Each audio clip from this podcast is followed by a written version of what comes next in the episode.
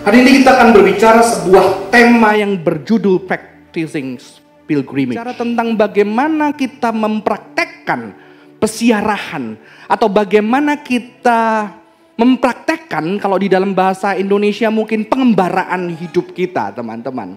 Sebelumnya kita akan melihat di dalam sejarah ada sesuatu yang unik dan berbeda di dalam kekristenan, saudara-saudara. Mengapa? Karena di dalam agama-agama yang besar, agama-agama yang terkenal, pesiarahan atau pilgrimage itu betul-betul ada di dalam aturan atau di dalam panggilan ketika beribadah.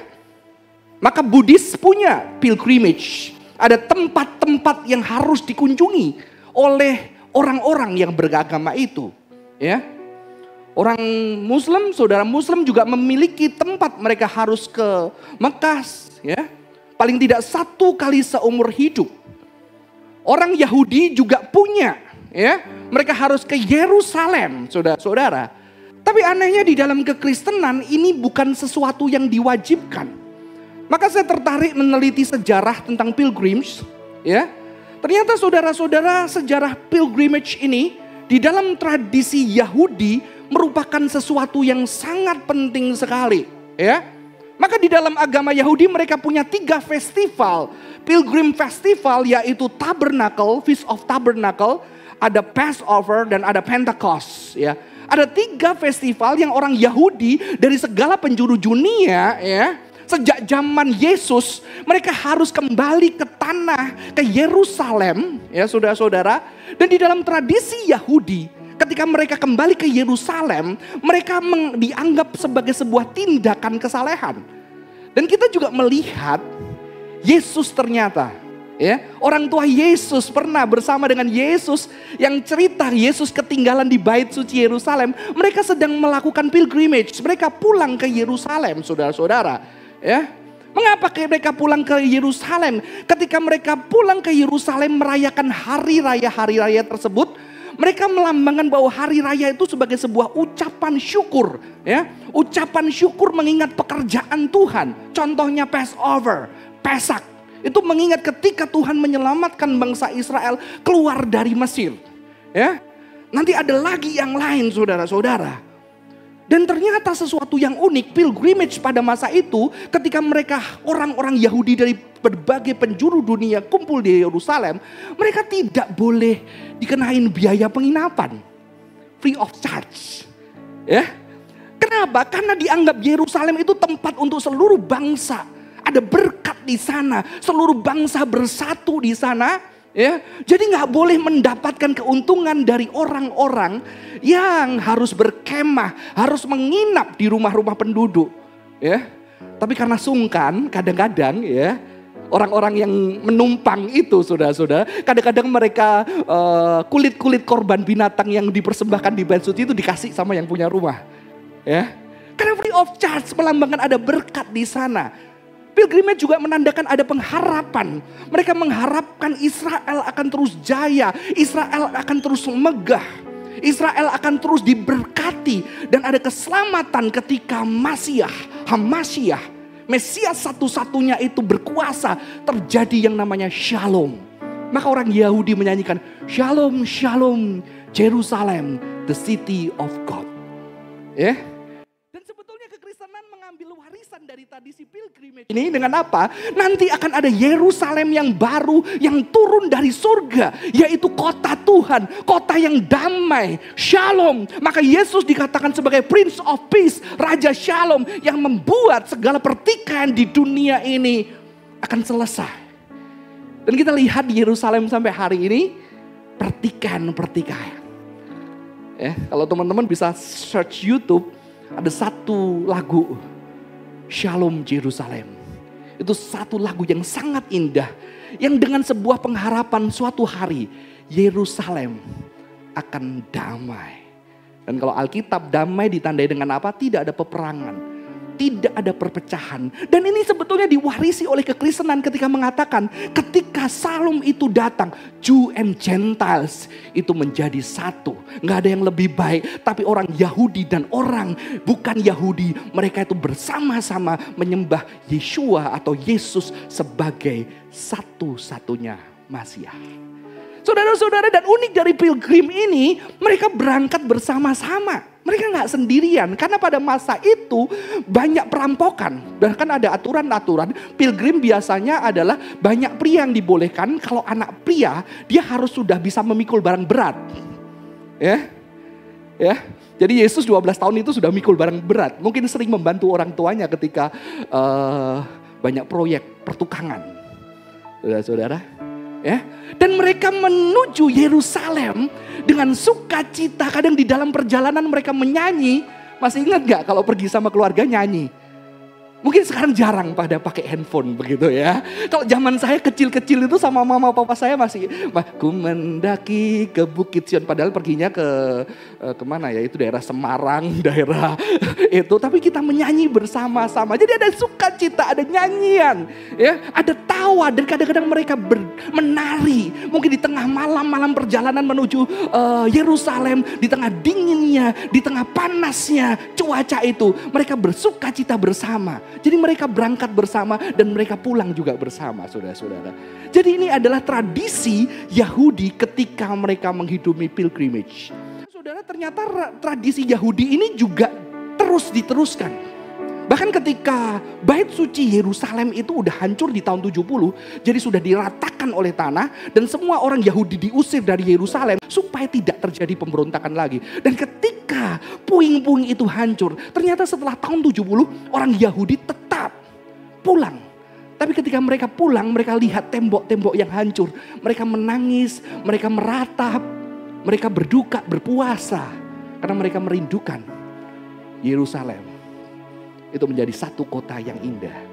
Baru beberapa ribu tahun kemudian Israel menjadi bangsa dan banyak dari orang Yahudi bayangkan pulang ke Israel. Sejak tahun 70 mereka udah diusir keluar dari Yerusalem. Jadi kekuatan pilgrimage itu kuat sekali. Tapi bagaimana dengan kekristenan? Ketika saya meneliti tradisi kekristenan teman-teman, ya, ternyata kekristenan juga memaknai pilgrim. Ya, mengalami memaknai pengembaraan tetapi bedanya kekristenan ialah mereka melihat kehidupan ini sebagai pengembaraan, pesiarahan. Ya. Mungkin kalau orang Jawa tahu, orang Jawa itu ada semboyan. Urip ini cuma mampir ngombe. Jadi hidup itu cuma apa? Mampir minum. Seperti apa? Seperti persiarah yang lewat, terus minum lewat selesai.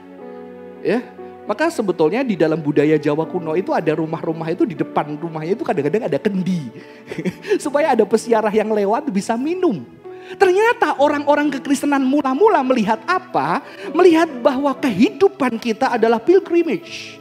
Kehidupan kita adalah pesiarahan. Sehingga seorang patristic father, jadi seorang bapak gereja yang bernama uh, Tertullian mengatakan even truth itself is on pilgrimage in this world. Jadi kebenaran itu, kebenaran itu menjadi pengembara di dunia ini. Siapa kebenaran? Yesus. Ya. Yesus jalan menjadi pengembara di dunia ini dan kita bersama-sama Yesus jalan di dunia ini sedang menuju ke kerajaan surga. Sedang berjalan menuju kerajaan surga bersama dengan Yesus. Maka tidak heran iman Kristen ditandai dengan perjalanan mengikut Yesus. Maukah engkau mengikut Yesus? Anda dan saya teman-teman. Tetapi ada the ambiguity of pilgrimage. Mengapa? Karena di dalam kekristenan mula-mula mereka memisahkan yang namanya kerajaan sorga dan kerajaan dunia. Karena pengaruh filsafat dualisme, bapak-bapak gereja awal itu ada sedikit memisahkan kita ini warga kerajaan surga. Betul Alkitab ngomong itu. Tetapi kita ini tinggal di dunia.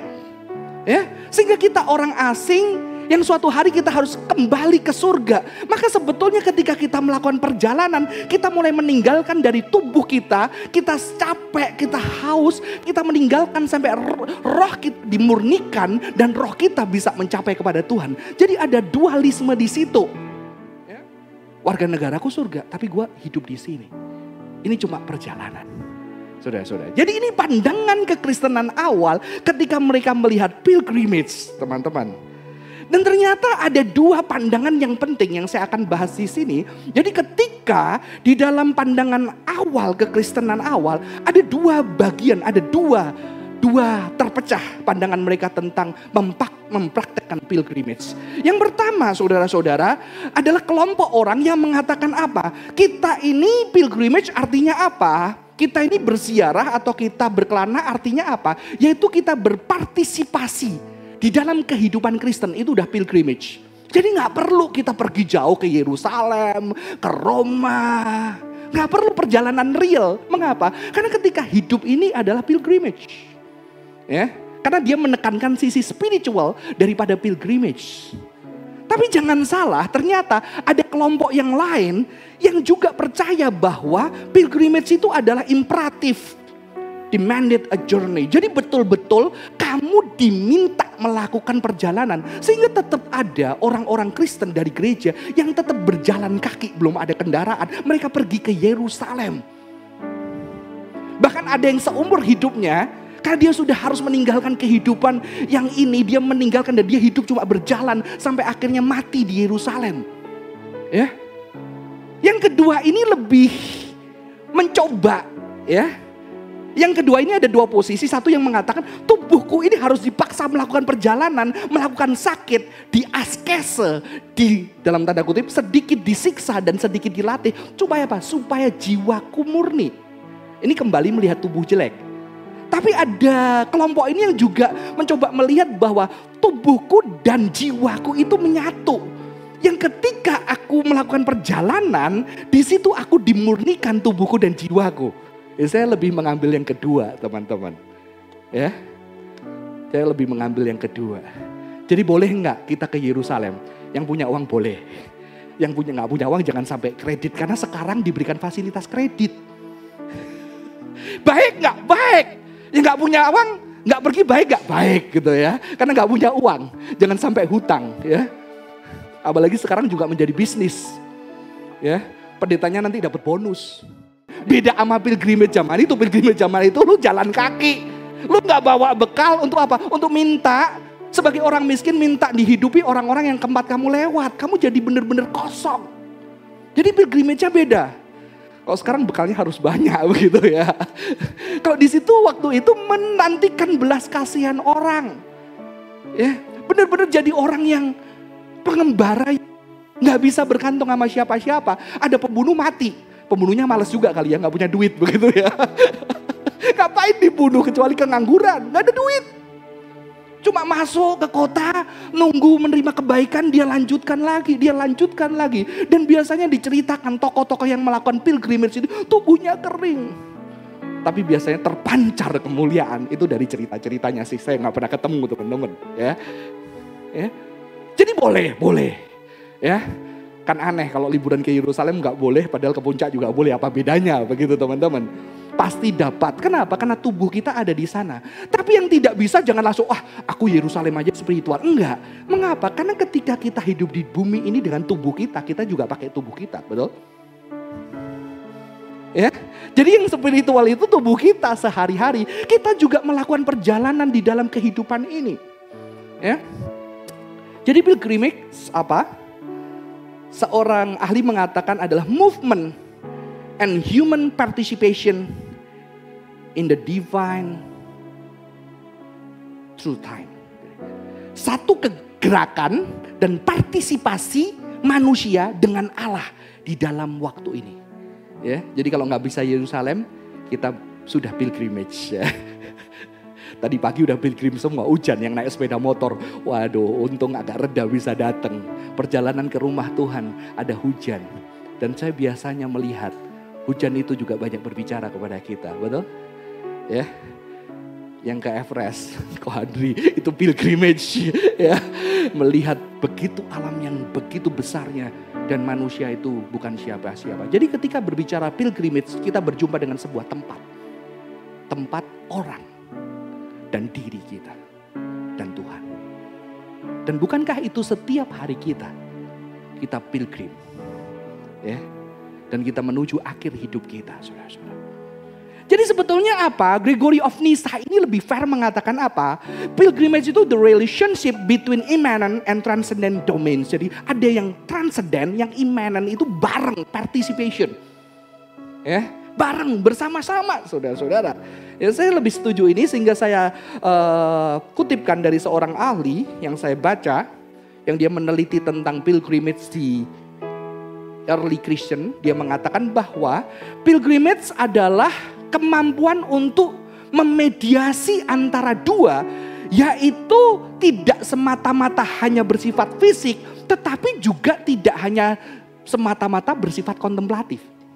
Kalau tadi debat harus ke Israel, sehingga gue harus dibaptis di Israel. Udah dibaptis dulu nggak apa-apa, baptis peneguhan. Ada saudara. Jadi ada yang mengatakan, aku udah baptis tapi ingin merasakan di Yerusalem. Tanya saya, boleh nggak Pak baptis peneguhan? Emang berarti kemarin nggak teguh? coba ya udah kamu ke Yerusalem aja kamu coba merasakan. Bukan bukan membaptis peneguhan tapi bersiarah baptis begitu ya. Ya udah kamu cemplung aja nggak apa-apa. Emang kemarin nggak teguh? Seolah-olah kalau di sana teguh no. Eh. jadi tidak semata-mata fisik tapi bukan fisik nggak penting. Kenapa? Karena ketika kita hidup di dunia ini ada fisik kita. Tapi juga tidak semata-mata kontemplatif yang penting kontemplatif. Pilgrim setiap hari di kamar 8 jam berdoa tanpa bergerak begitu. Itu pun perlu tubuh untuk kamu tidak bisa bergerak. Amin. Ini adalah rohani kenapa? Tidak memakai tubuh, tapi kamu pakai tubuh untuk tenang. Itu juga pakai tubuh. Ya. Jadi ternyata pilgrimage itu dua-duanya. Dia fisik tapi nggak cuma fisik, dia rohani tapi juga nggak cuma rohani. Ya, dia justru memediasi ini teman-teman. Maka itu unik ketika kita hidup itu sebagai sebuah perjalanan. Kita dengan tubuh kita, dengan benda-benda kita. Pindah sini harus kurang.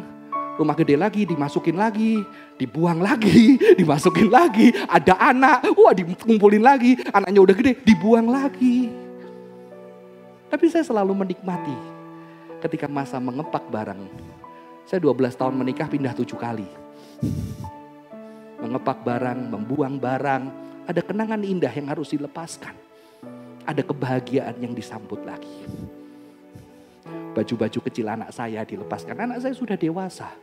Ketika saya pegang baju udah kecil ya. Beberapa waktu lalu saya pernah ketemu seorang anak muda. Ketika pertama kali saya melayanan.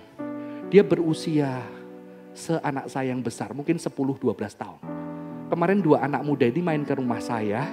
Dan saya lihat anak saya. Dulu dia segini dan anak saya itu pakai ranjangnya gitu ya. Tiga anak saya dikasih ranjang gitu ya. Ranjang dari dua anak ini. Anak ini sekarang udah kuliah dan udah bekerja. Dan saya melihat cepat ya.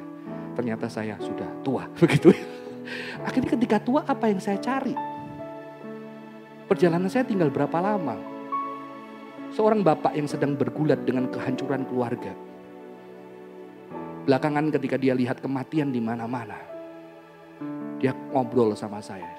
Mungkin kalau umur saya tinggal 15 tahun terus saya mau apa lagi? Mau apa lagi? Jangan saya sampai menyesal. Apa yang saya miliki selama ini tidak saya hargai. Saya sangat terharu. Pilgrimage itu sebuah perjalanan. Saudara-saudara bagaimana kita mempraktekkan pilgrimage di dalam kehidupan kita. Saya mengambil dari beberapa ayat Lukas 9 ayat 23 mengatakan, setiap orang yang mau mengikut aku, ia harus menyangkal dirinya, memikul salibnya setiap hari dan mengikut aku. Lihat saudara-saudara, ketika kita mengikut Yesus dikatakan apa? Kita harus menyangkal diri kita sendiri. Jadi pilgrimage itu kesendirian. Kita dengan salib kita sendiri kita pikul kapan setiap hari. Dan mengikut Yesus dengan salib Yesus. Kita tidak bisa salib, pikul salibnya Yesus. Tapi pikul salib kita sendiri. Dan Tuhan bilang kekuatan kita selalu ada anugerah. Kita nggak bisa pikul salib orang lain. Kita punya pergulatan masing-masing. Seorang anak walaupun dia sudah men, uh, punya papa, dia punya pergulatan. Saya tidak bisa pikul pergulatan dia untuk dia buat jadi dewasa. Saya tidak bisa pikul kekecewaan-kekecewaan dia bersama dengan Tuhan di dalam perjalanan. Karena kita selalu siap anak-anak kita. Mungkin mereka akan ada waktunya kecewa pada Tuhan. Bahkan saya selalu takut kalau papanya dipanggil Tuhan. Nanti pasti ada masa anak-anak ini marah kepada Tuhan. Setiap orang memikul salibnya sendiri. Dan dikatakan apa? Segala sesuatu yang kamu lakukan untuk salah seorang dari saudaraku yang paling hina. Kamu telah melakukan untuk aku. Ternyata Yesus menyebut orang-orang yang memikul salib adalah saudaranya yang hina. Jadi pilgrimage berbicara tentang kehinaan bukan kemewahan. Kehinaan menjadi orang yang tidak berdaya. Orang yang membutuhkan orang lain. Orang Kristen sering berpaka, aku bisa menolong orang lain. Aku membantu orang lain menjadi berkat. Tetapi panggilan pilgrimage adalah kita menerima hospitality dari orang lain.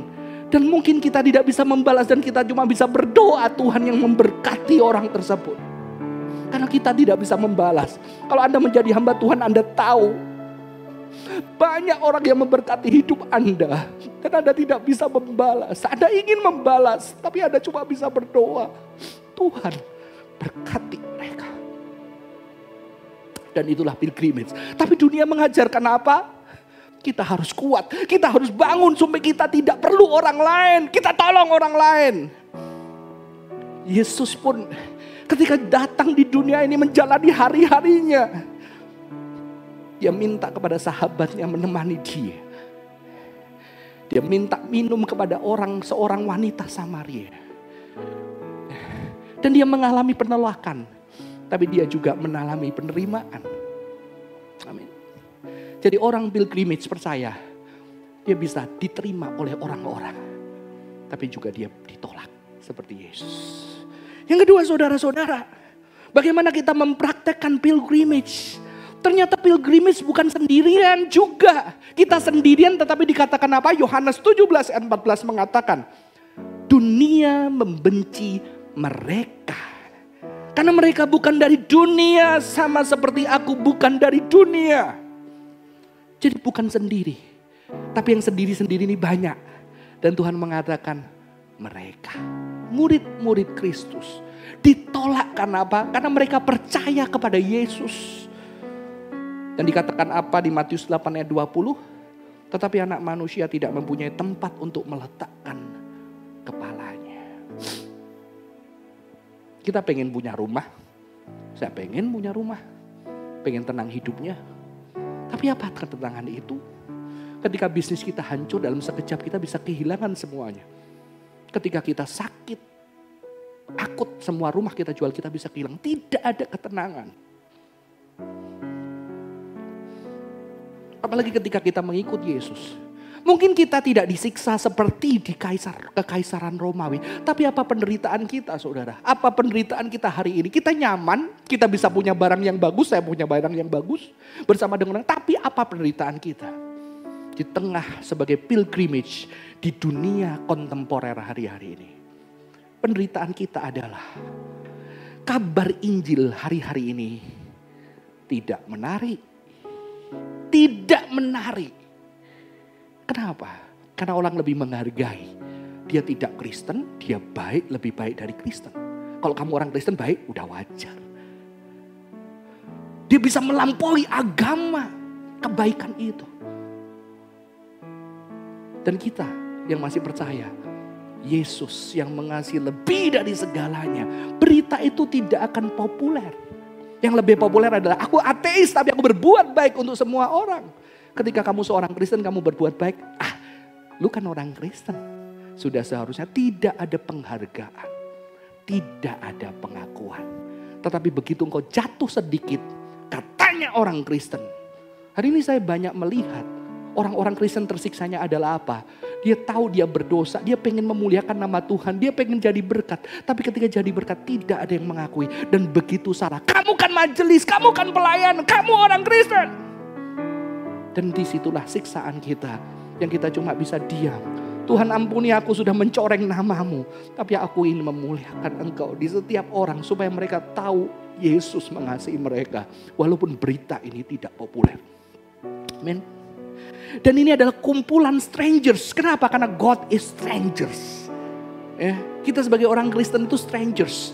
Celakanya apa? Bukan seperti early patriarch tadi yang mengatakan apa? Kita kerajaan surga ini memang dunia bukan tempat kita. Kita kembali ke surga. No, justru dunia ini rumah Bapa kita. This is my father's world. Tapi kita menjadi orang asing di rumah Papa kita sendiri. Dan itulah yang dialami Yesus di dunia yang diciptakan menjadi strangers. Tapi dia tidak menggunakan kekuatan untuk menghancurkan semua orang itu. Dia tetap mengasihi sampai dia mati. Inilah spirit pilgrimage. Dan ini begitu indahnya. Saudara-saudara. Sehingga saya mengutip seorang penulis yang saya sangat suka. Bernama Henry Nowen. We need to be angels for each other to give each other strength and consolation. Because only when we fully realize that the cup of life is not only a cup of sorrow, but also a cup of joy will be able to drink it. Jadi ketika kita perjamuan kudus, pilgrimage itu sering makan bareng. Ya, malam-malam makan bareng, makan siang bareng, bareng-bareng. Di dalam keadaan apa pun, kadang panas, kadang dingin. Ya, dan mereka mengangkat cawan. Saya kalau membayangkan ini nggak ada gambaran Yahudi, nah karena gambaran saya itu film kungfu gitu ya. ada di bawah rembulan, nggak ada saudara, nggak ada ikatan darah, minum anggur, eh bukan arak ya kalau saya bukan anggur ya, minum arak dan di situ mereka menguka, meng, mengucap janji akan menjadi sahabat setia sampai mati, melindungi keturunan dia, saling melindungi sampai mati tidak akan berkhianat. Ternyata saudara-saudara ketika kita mengangkat cawan perjamuan kudus. Itu adalah cup of suffering. But a cup of joy. Tuh. Jadi kalau mengangkat cawan bukan kenpe, oh, happiness gitu ya. Tapi ada suffering. Tapi ada joy. Karena kita nggak sendirian, kita nggak sendirian, kita bareng sama orang yang lain. Amen. Dan sang juru selamat kita, bagian yang terakhir, practicing pilgrimage apa? Dia reciting to Shema. Ketika Yesus ditanya, Tuhan apakah yang terpenting dari seluruh firman? Dia mengatakan, Shema Israel Adonai Eloheinu Adonai Ehad. Dengarlah hai Israel, Tuhan Allah kita, Tuhan itu Esa. Ini namanya Shema. Yesus mengatakan yang terutama adalah Shema. Dan orang Yahudi mengucapkan Shema itu siang dan malam. Bangun tidur sebelum tidur. Shema Israel. Dengarlah hai Israel. Tuhan Allah kita. Tuhan itu Esa. Dan biasanya Shema digabungkan dengan apa? Dengan Ahafta. Ahaf itu kata cinta. Jadi ketika seseorang mengucapkan Shema biasanya Shema Israel Adonai Elohinu Adonai Ehwat. Lalu dilanjutkan kasihlah Tuhan Allahmu dengan segenap hatimu, dengan segenap jiwamu, dan dengan segenap kekayaan. Dan Yesus menambahkan satu, kasihlah sesamamu seperti dirimu sendiri. Jadi pilgrimage apa? Dia mempraktekkan mengasihi Tuhan, mengasihi sesama, mengasihi diri. Dan Shema setiap hari pagi sama malam. Dan juga Shema itu didaraskan Yahudi bersamaan dengan doa yang bernama Vidui. Vidui adalah Jewish prayer before death. Sebelum mati orang Yahudi mengatakan Shema Israel Adonai Eloheinu Adonai Ehad. Sampai mati. Dan akhirnya di dalam Vidui itu ada doa mengatakan Bapa Allah Israel kuserahkan nyawaku kepadamu. Jadi akhir perjalanan kita adalah ketika kita di puncak kematian kita. Kita berjalan sendiri tapi kita punya community. Tapi ketika menjelang ajal kematian. Walaupun pesawatnya jatuh bareng. Tapi yang mengalami tubuh kita personal, betul? Kita setiap orang menyongsong kematian itu. Dan saya selalu kepikir kalau di atas pesawat, kalau mati sampai hari ini. Tahu-tahu pesawat ini jatuh Biarlah saya berteriak, Tuhan Allahku, Engkau Tuhanku satu-satunya. Dan itulah yang dilakukan Yesus di atas kayu salib ketika dia tersalib. Dia tetap mengasihi Allah. Dia mengasihi sesama dan dia mengasihi dirinya sampai akhir hidup dia. Inah pilgrimage. Sudah saya ingin mengajak kita melihat satu video. Nyanyian Shema dari seorang anak Yahudi yang belum mengenal pengorbanan Kristus. Yang hanya tahu Allah Israel, tapi ketika dia menyanyikan Shema semalam ketika saya mendengar lagu ini, saya nangis sudah-sudah. Karena luar biasa anak ini menyanyikan Shema. Silahkan kita melihat.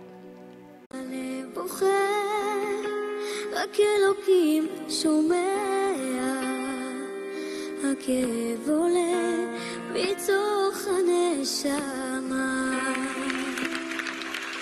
אדם נופל לפני שהוא שוקע,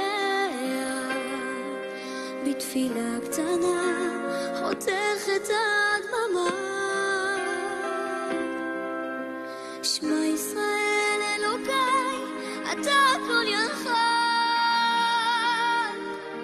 נתת לי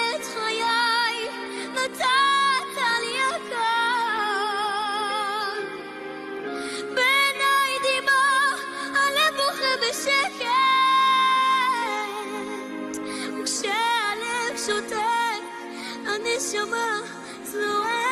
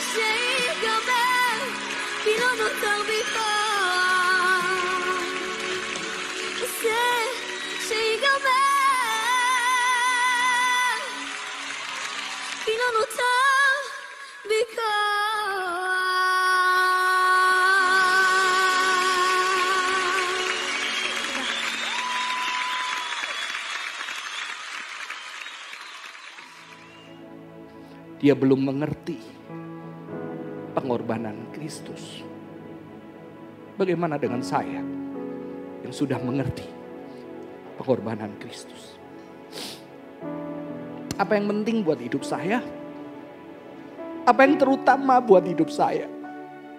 Apa ketakutan-ketakutan saya akan hari depan yang saya tidak tahu dan saudara tidak tahu?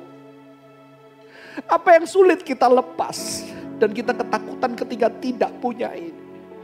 Berhadapan dengan yang tidak pasti. Tapi dia meneriakan Shema Israel Adonai Eloheinu Adeo Ehad. Ada Allah Israel. Allah pencipta semesta alam. Kita lebih lagi dengan mengatakan yang sudah mengaruniakan anaknya yang tunggal. Supaya barang siapa percaya tidak binasa. Melainkan peroleh hidup yang kekal. Saya ajak setiap kita membawa hati kita menyanyikan pujian lama, pujian yang indah. Yang terutama di dalam hidup ini. Biarlah singer membantu saya. Mari kita pujikan dengan kesungguhan. Mari kita kembali bawa hati kita kepada Tuhan.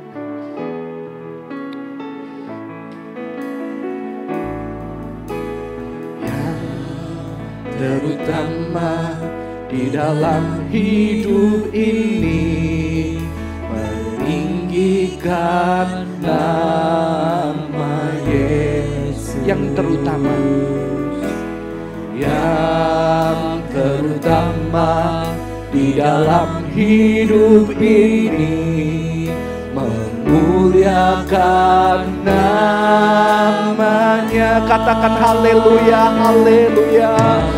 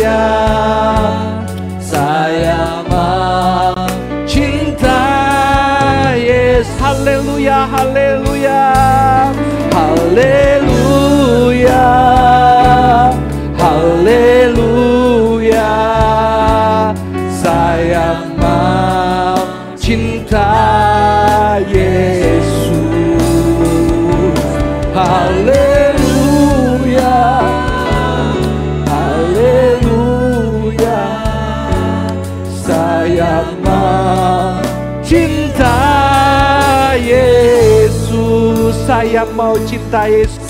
Yang mau cinta Yesus dengan segenap hati katakan saya mau cinta Yesus. Saya mau cinta Yesus.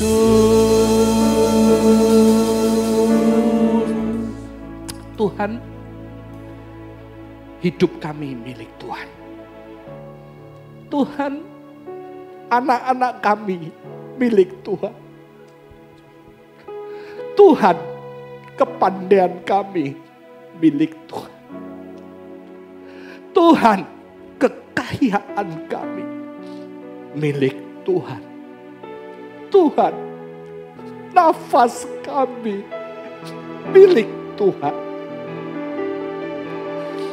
Terimalah kami tolonglah setiap kami di dalam perjalanan hidup kami, ada kami kelaparan, kehausan, ada kami marah dengan keadaan.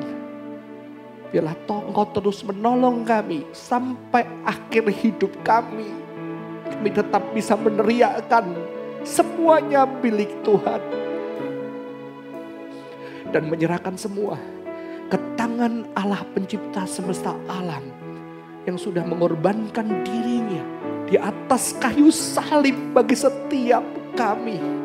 Dan biarlah kami boleh menggunakan semuanya di dalam perjalanan ini untuk mengasihi Tuhan, mengasihi sesama dan diri kami. Berkati setiap kami. Berkati setiap kami. Tolong setiap kami Tuhan. Di dalam nama Tuhan Yesus Kristus. Kami berdoa. Amin.